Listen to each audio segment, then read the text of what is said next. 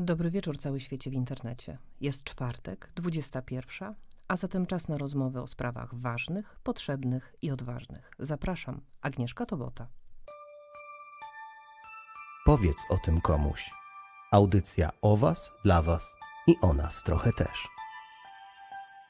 Toksyczni rodzice mogą zrujnować życie niejednego dziecka, szczególnie tego starszego lub nawet dorosłego, które chciałoby prowadzić życie po swojemu, bez zbędnej pomocy. Szczególnie zagrażająca normalnemu i satysfakcjonującemu życiu jest toksyczna matka. Matki takie bywają złe, szczególnie względem córek, przerzucając na nie swoje plany i cele, a także niespełnione marzenia oraz zazdrość. Mój dzisiejszy gość, Robert Rutkowski, jest pedagogiem, certyfikowanym psychoterapeutą, prowadzi prywatny gabinet, jest wykładowcą Akademii Psychologii Przywództwa przy Szkole Biznesu Politechniki Warszawskiej, jest autorem książek Oswoić narkomana, Pułapki przyjemności, Toksyczna matka i ta toksyczna matka doprowadziła do naszego spotkania. Panie Robercie, witam pana bardzo serdecznie i dziękuję, że przyjął pan moje zaproszenie do rozmowy. Dzień dobry, dziękuję za zaproszenie. Panie Robercie, od razu, kim jest toksyczna matka? Bo u nas jednak pokutuje, nie wiem czy to stereoty- stereotypem można nazwać, że ten ojciec bywa złym. No, Ojciec to jest y, oddzielny temat, bardzo szeroki. Jest proces dosyć już trwający długo, polegający na bardzo takiej postępującej degradacji męskości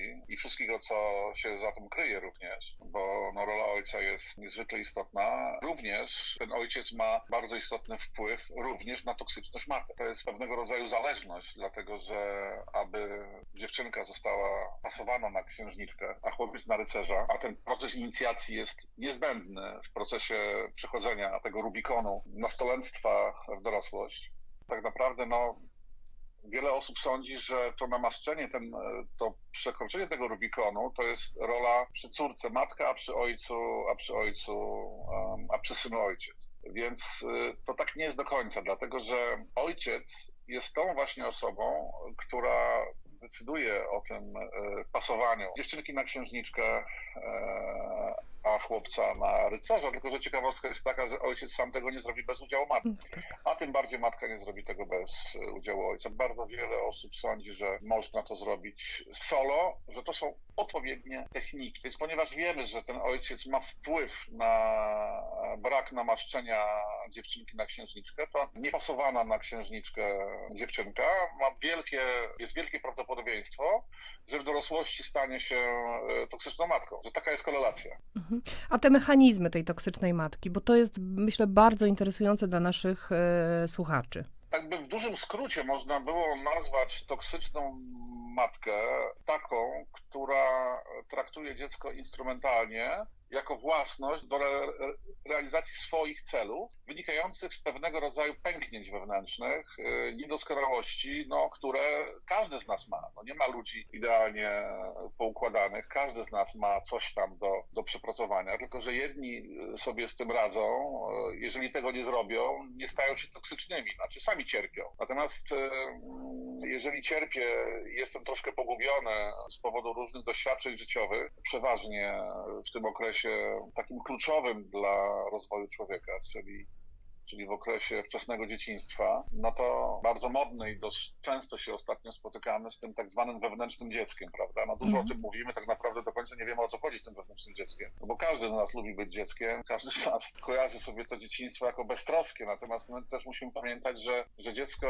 tak naprawdę każdego dnia przeżywa szok za szokiem, jeśli chodzi o doświadczenie różnego rodzaju bodźców. I te bodźce są niezwykle ciężkie, niezwykle trudne, dlatego że no dziecko nie ma żadnej e, bazy umiejętności, które mogłoby wykorzystywać w bronieniu się na przykład przed niektórymi negatywnymi bodźcami, czy takimi ciosami nieprzyjemnymi dla tego dziecka. No, mówiąc słowo cios, to nam to się kojarzy z przemocą taką fizyczną, natomiast no, ciosem może być również krzyk. Ja przed naszą rozmową skończyłem rozmowę, miałem sesję terapeutyczną z moim pacjentem online, no, który mówił o permanentnym, ciągłym, nieustającym krzyku w jego domu. On ma absolutnie symptomy dziecka doświadczającego bicia. Mhm. E, nie trzeba bić, żeby wywołać u swojego potomka identyczne objawy jak u dzieci, które doświadczały bezpośredniego bicia.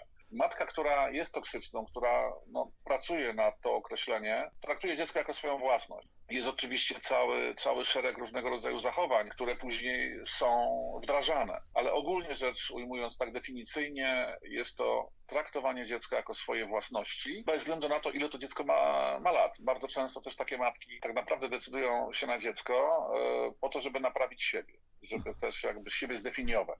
Prawdą jest też znaczy, to dotyczy i, i, i, matki, i ojca, że zanim decydujemy się na potomstwo, to warto by jakąś pracę wykonać ze sobą. Dlatego, że no w tej chwili żyjemy w takiej rzeczywistości, że no, żeby wózkiem widłowym operować, trzeba mieć uprawnienia. No, żeby jechać samochodem, trzeba zrobić prawo jazdy, jakieś egzaminy jakby złożyć. No i tak jest na każdym kroku, żeby być nauczycielem i tak dalej, i tak dalej. Natomiast rodzicem może być każdy. Ale panie Robercie, my tutaj obserwujemy pewne zjawisko, tak jak pan wspomniał o dzieciach tak. i o przygotowaniu do rodzicielstwa. Często w gabinetach E, naszej fundacji rodzice, którzy przychodzą, ale głównie matki, jak teraz sobie popatrzyłam na to z perspektywy czasu, mówią: Słuchajcie, zepsuło mi się dziecko. Ono jest inne, ono jest agresywne, tak. ono jest nie moje, ktoś mi to dziecko podmienił. I wie pan, z przerażeniem tego słuchamy. E, I to jest wina tego dziecka. To dziecko jest złe. My jesteśmy okej. Okay. Ja, ja trochę liczyłem na to, że pani powie, na że obserwuje Pani taki objaw, który ja zaobserwowałem od, od, od, kilku lat, że są naprawdę młodzi ludzie, którzy potrafią przyjść na sesję i powiedzieć, Panie Robercie, przygotowujemy się do um, potomstwa i proszę nam pomóc, na co zwrócić uwagę. Ja wtedy się rozpływam, powiem szczerze, bo to mhm. przychodzą... E, Piękne. Tak naprawdę, to przychodzą ludzie przyszłości, to przychodzą ludzie światli, świadomi y, siebie, swoich ograniczeń, którzy tak naprawdę mają wielką szansę dać nowe życie i mało tego, tym życiem się zaopiekować, ponieważ tak naprawdę zaczynają od siebie samych. Każda najdłuższa podróż, a podróżą niezwykle piękną, niezwykle odpowiedzialną, y, ale wymagającą też trochę pracy nad sobą jest towarzyszenie maluszkowi, mhm. ponieważ ja jestem drugoroczniakiem, ja jestem, ja jestem ten, tym, który nie odrobił lekcji. I tak się los potoczył, wie pani, że mam to szczęście, ten niesamowity przywilej. E, ja mam dorosłego syna, e, który ma już swojego syna, ale tak meandry mojego żywota się potoczyły, że również jestem e, w związku z moją obecną żoną i mamy czteroletniego Rafała, który to Rafałek y, jest moim y, trenerem y, uważności i moim korepetytorem nie zdawałem sobie sprawy, decydując się na to, żeby ponownie się zdecydować na ojcostwo, wejść w dojrzałe ojcostwo, jaka to jest nieprawdopodobna e, frajda i okazja, żeby poznać siebie. E, zresztą los mi nie szczędzi też takich ciekawostek, ponieważ też już jestem e, w pełni dorosły, ponieważ miałem okazję pożegnać, towarzyszyć w ostatniej drodze mojej mamie, która dosyć długo umierała na taką ciężką chorobę o nazwie choroba Parkinsona. I to też niesamowicie człowieka kształtuje i rozwija i można z tego bardzo wiele dla siebie wziąć. I jakby tak przyklejone to było również do tego momentu, kiedy po śmierci matki miałem okazję właśnie do tej pory, niedzielę miał 4 lata, towarzyszyć temu małemu człowiekowi i ja sobie po prostu uświadomiłem, ile ja nie wiem. Na początku to było na takiej zasadzie, że ja mówię do mojej żony, jest to fajny pomysł, świetnie, bardzo chętnie, nie widzę przeszkód, ale to było takie na, na takiej zasadzie, okej, okay, nie traktowałem tego jako wielkiej przygody, ale jako takiej frajdy, która na pewno coś fajnego zrobi w naszym życiu, ale nie było to u mnie jakiejś takiej wielkiej euforii. Mhm. Natomiast teraz z perspektywy, z perspektywy czasu e, jestem szczęśliwy, że to w ogóle się dzieje, bo uświadom... znaczy niesamowicie poznałem siebie, ale zanim żeśmy się zdecydowali na ten krok, żeby mieć e, z Janną potomka, e, do mnie dotarło, że ja kończąc studia ileś tam lat wcześniej, dziesiątki lat temu, ja tak naprawdę nic nie wiem, mimo że jedno z moich, jeden z moich kierunków to jest pedagogika, ja tak sobie naprawdę uświadomiłem, że ja nic nie wiem. Wiem, że nic nie wiem. To już wiem. I to było dla, i to było dla mnie odkrycie. Znaczy, to już była wiedza naprawdę, ja wtedy otoczyłem, ja wykupiłem wszystkie książki dotyczące na przykład, znaczy zachwyciłem się Julem, Jesperem Julem, mhm.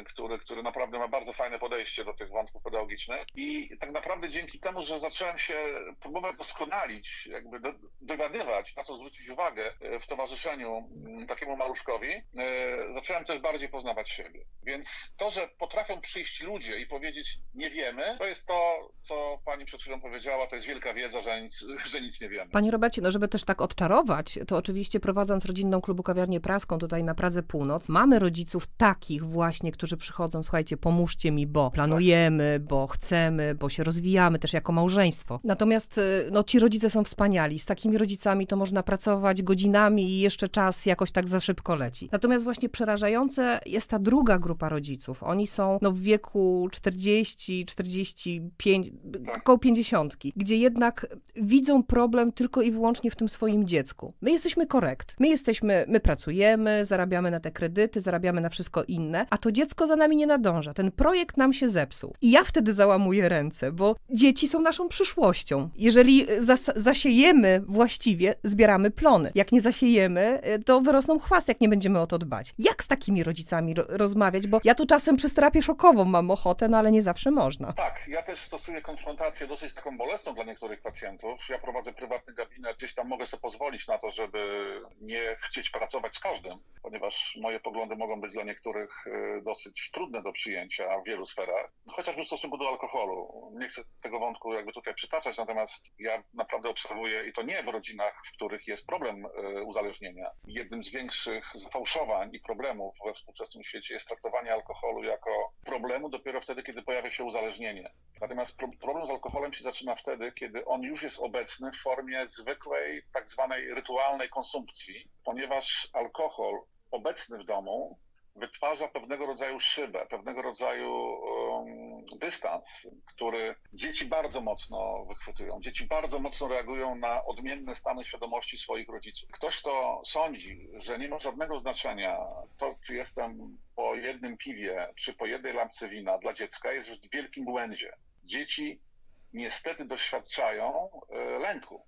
W dzieciach się rodzi lęk, ponieważ rodzic się inaczej zachowuje, mimo że rodzicowi się wydaje, że jest wszystko w porządku. Więc dlatego też ten alkohol tutaj się pojawił w tej rozmowie, dlatego że on jest trochę paliwem do pewnej e, niezwykle ważnej kwestii. Tak naprawdę ta, ta ważna kwestia może by, można by ją zdefiniować jako e, współczesną dżumą. Dżumą e, relacyjną. Ta dżuma interpersonalna polega na tym, że jest to nieobecność. Nieobecność rodziców. Jak często do mnie przychodzi pacjent, który no, przyszedł do mnie jako prezes e, firmy i prosi tam o jakieś korekty, o taki audyt sobie u mnie zamawia, żebyśmy wspólnie znaleźli, e, zrobili tak zwaną optymalizację, optymalizację funkcjonowania. No to jest tam mnóstwo sfer, które ja opisałem w takiej książce Pułapki Przyjemności. To jest druga książka, którą żeśmy napisali z Ireną i te pułapki przyjemności troszkę są taką ściągą dla niektórych prezesów, ale ja często za, zadaję pytanie, no skoro chłopie ty pracujesz po 12-14 godzin, to powiedz mi po co? No i oczywiście może się pani domyśleć, jaka jest odpowiedź dla swoich dzieci. No tak, tak. No i wtedy pada, no pada stwierdzenie, ponieważ ja jestem głosem tych dzieci, ponieważ do mnie przychodzi pokolenie 25-35-latków, które są tymi dziećmi, dla których zachorowują się ci prezesi. I ja wiem od tych dzieci, że oni mają naprawdę gdzieś Mhm. to wszystko, co ci rodzice chcą im ofiarować, ponieważ im najbardziej brakuje właśnie tej bliskości. Nie ma bliskości w domu, gdy jest ciągła praca, gdy jest dużo pieniędzy, gdy jest Ale nie ma rodziców. a nie ma, a nie ma właśnie obecności, bo wszystko zostało oddelegowane do, do niani jednej, drugiej, trzeciej, piątej, dziesiątej. Bardzo modne w celebryckich środowiskach. Oddelegowanie rodzicielstwa. Mhm. E, I dlatego zwracam na to uwagę, ponieważ jeżeli klient mi mówi, no wiesz, ale ja muszę kupić mu mieszkanie przecież. Ja mówię, okej, ale powiedz mi, czy to mieszkanie zrekompensuje temu dziecku, tej córce czy twojemu synowi e, to, że nie byłeś w nim wtedy, kiedy powinieneś być? I teraz jakby puentując ten wątek, dodam tylko tyle. Rafał ma 4 lata i ja się bardzo już muszę śpieszyć z tym, żeby zdążyć przed 10 rokiem życia. Dlaczego? Dlatego, że my tracimy dzieci już w tej chwili w 10 roku życia. 10-11 to już jest pewniak. Mhm. One już przestają być w nas wpatrzone jak w bogów.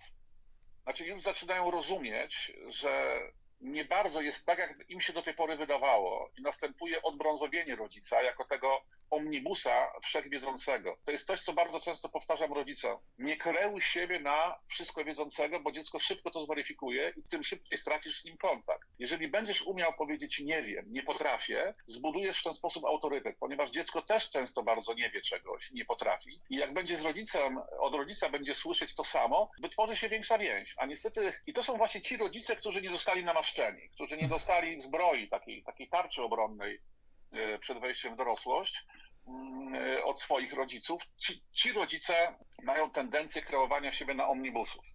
Mhm. Tak to bym ujął ten wątek. Panie Robercie, i tutaj pojawia mi się taki wątek nadopiekuńczości matek tak. E, toksycznych. E, często też słyszę, że no wie pani, no ja tutaj zabiegam, e, załatwiam tak. za to dziecko, odrabiam za to dziecko, bo mi zależy na jego dobru, bo mi zależy na tym, na siamtym i owamtym. Powodów jest tysiące. I mówimy, że ta nadopiekuńczość to jest forma przemocy, tak, tak naprawdę. Jest to, jest to ewidentnie forma przemocy. Ale proszę, jeszcze chciałabym dokończyć, tak. jak uświadomić to y, takiej matce, y, że ona stosuje przemoc, będąc taką nadgorliwą, a wiadomo, nadgorliwość gorsza od faszyzmu, że ona krzywdzi tym swoje dziecko. Pierwszym krokiem do każdej zmiany jest wiedza. Zwykła, elementarna wiedza. Ale jak powiedział kiedyś mój profesor na jednej z moich uczelni, takie ładne zdanie, że każda wiedza, jeżeli nie wejdzie w nogi, to ona po prostu znika.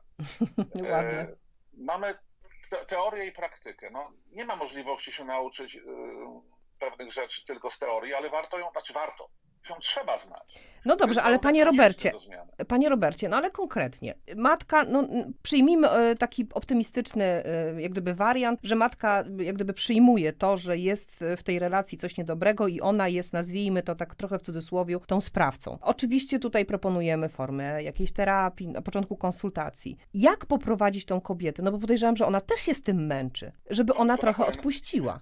Ona, ona ma na kolejnych sesjach dostawać zadania, czego ma robić, a czego ma nie robić. To jest bardzo proste, dlatego że to są pewne wskazówki, które wręcz są wyryte w naszych obwodach neuronalnych, jako nawyki, które stosowała nasza babcia bardzo często, e, nasza matka i ja również, jako ta matka, stosuję jako ten e, skrypt, który trwa przez e, dziesiątki, dziesiątki lat. Ja przeczytam pani fragment, który napisała moja pacjentka w ramach pracy domowej, mhm. gdy opisywała swój dom rodzinny pani 36-letnia, która przyszła do mnie z lekkim problemem e, nadużywania środków psychoaktywnych, e, paląca papierosy, niezwykle nieśmiała i niezwykle wycofana. I ona, e, jak przeczytała tę książkę Toksyczna Matka, to ona przyszła jakby do mnie na sesję, co jest ważne, ona nie dostała ode mnie zalecenia, że ma tę książkę przeczytać. Aż takim bufonem nie jestem, żeby polecać moim pacjentom swoje książki. Ale odrobiła pracę domową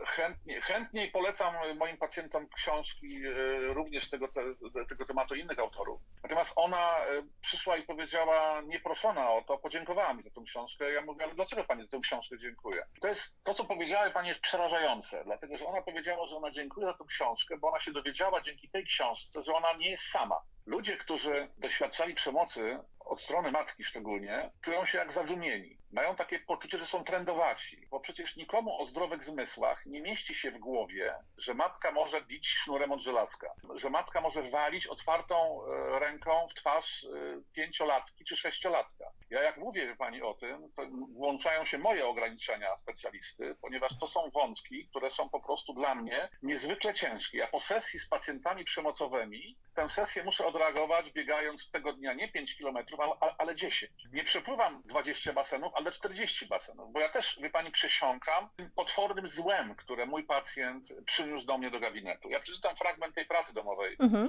tej mojej pacjentki.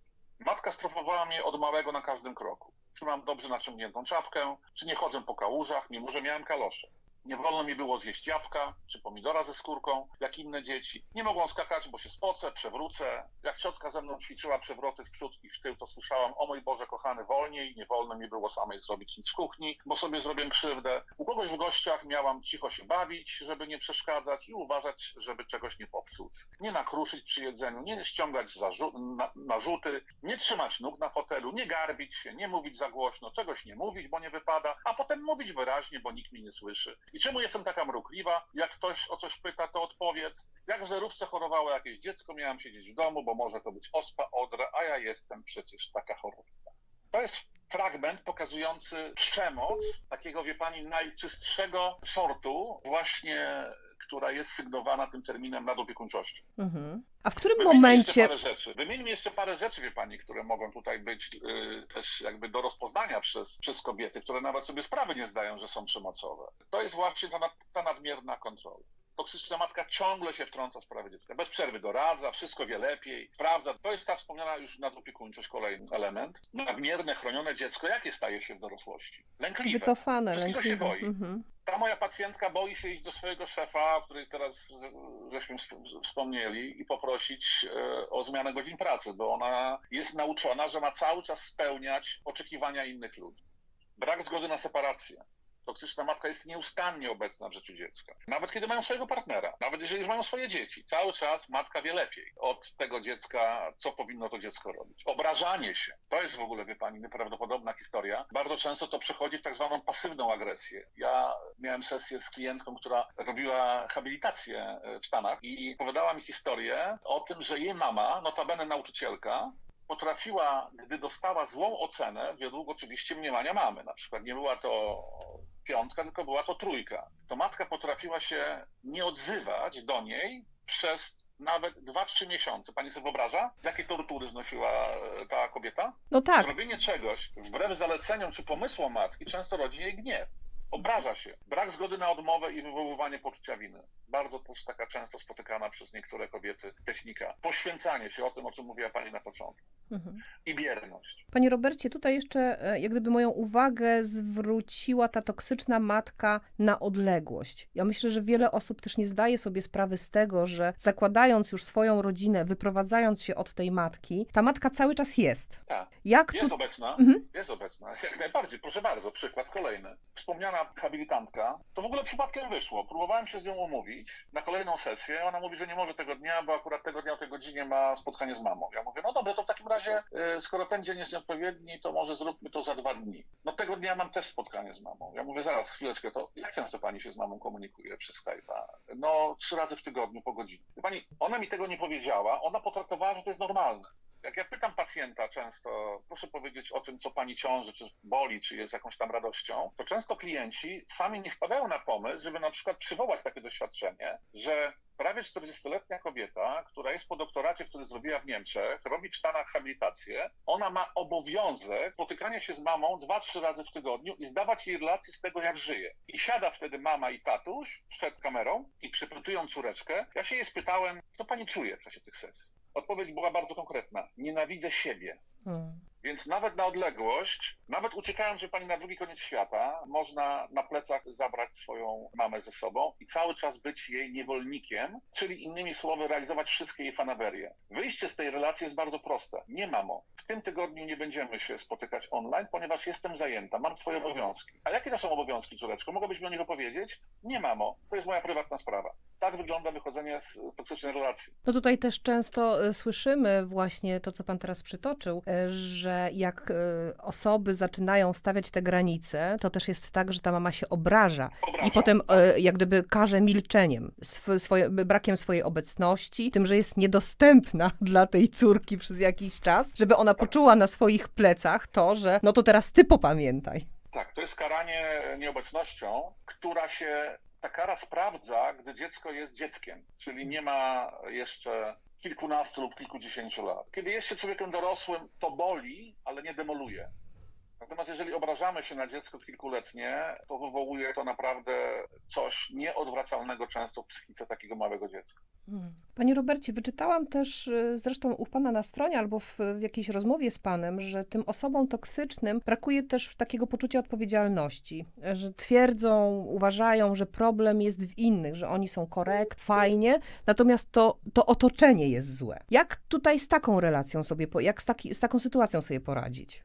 Wychodzenie z takiej, wie pani, relacji y, polega trochę, jakby to porównać do wzięcia mu takiego małego młoteczka i małego dłutka i odłupywanie e, krok po kroku takiego betonu, którym jest obrośnięty taki człowiek. A nie ma innego sposobu na odłupywanie tego betonu, w którym tkwi, czy zbroi stalowej, w której tkwi taka osoba, bo to jest, wie pani, to jest taki mechanizm zaślepienia i tylko osoba z zewnątrz e, może to pomóc. Problem polega na tym, że oczywiście w wersji optymistycznej dziecko spełnia rolę tego konfrontującego, aczkolwiek jest zawsze w relacji skośnej. Zawsze jest relacja skośna, zawsze dziecko, obojętnie czy ma lat e, 20 czy lat 50, zawsze w kontekście w relacji ze swoją matką będzie tym o szczebel niżej. I nie można traktować tego jako przypadłości, ponieważ no niestety my potrzebujemy rodziców, a nie przyjaciół. Przyjaciół. Wie pani, ja truchleję na informację, że moja mama jest moją najlepszą przyjaciółką, albo matka mówi, moja córka jest moją najlepszą przyjaciółką. Dzieci nie potrzebują przyjaciół w osobach swoich rodziców, potrzebują rodziców, czyli ludzi, którzy dają bezwarunkową akceptację. I bezpieczeństwo.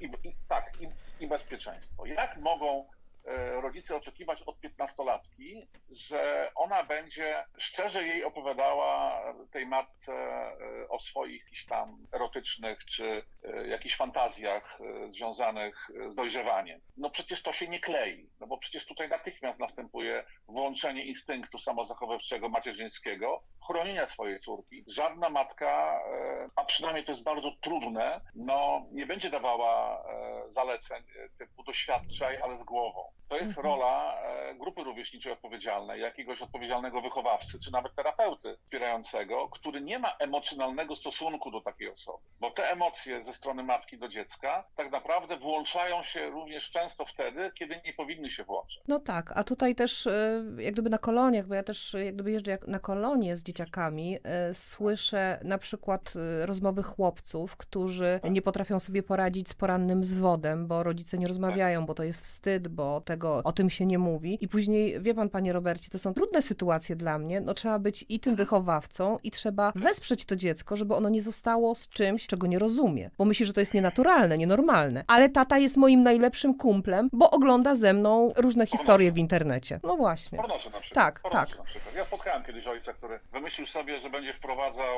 e, swojego nastoletniego syna e, w sferę seksualności, oglądając z nim e, pornografię, co oczywiście jest totalnym absurdem, ponieważ pornografia pornografia jest bardzo szkodliwa, wywołuje bardzo niebezpieczne mechanizmy i tak naprawdę nie powinno się e, tego typu obrazów oglądać. Erotyka tak, pornografia nie. Dokładnie. Panie Robercie, na koniec y, chciałabym zarekomendować, a właściwie polecić jako lekturę obowiązkową książkę, którą pan napisał z panią Ireną Stanisławską, Toksyczna Matka. Tylko gdyby pan powiedział, co to jest za książka? Jeszcze nie miałam okazji, ale się przymierzam. Poradnik, doświadczenia, gdyby pan mógł powiedzieć. Gdyby chcieć na to tak jak, jak najprościej powiedzieć, to są naprawdę niezwykłe doświadczenia. Ja naprawdę to nie jest e, ukłon w stronę mojej koleżanki Ireny, e, która naprawdę bardzo intensywnie zbierała te doświadczenia. Ja powściągnąłem swoją chęć przytoczenia pewnej historii z gabinetu, ale moja etyka zawodowa nawet przy zmienianiu nazwisk, czy tam imion, czy, czy okoliczności, no nie pozwalała mi, żeby, żeby tę historię wynosić z gabinetu. Irena zbierała tę historię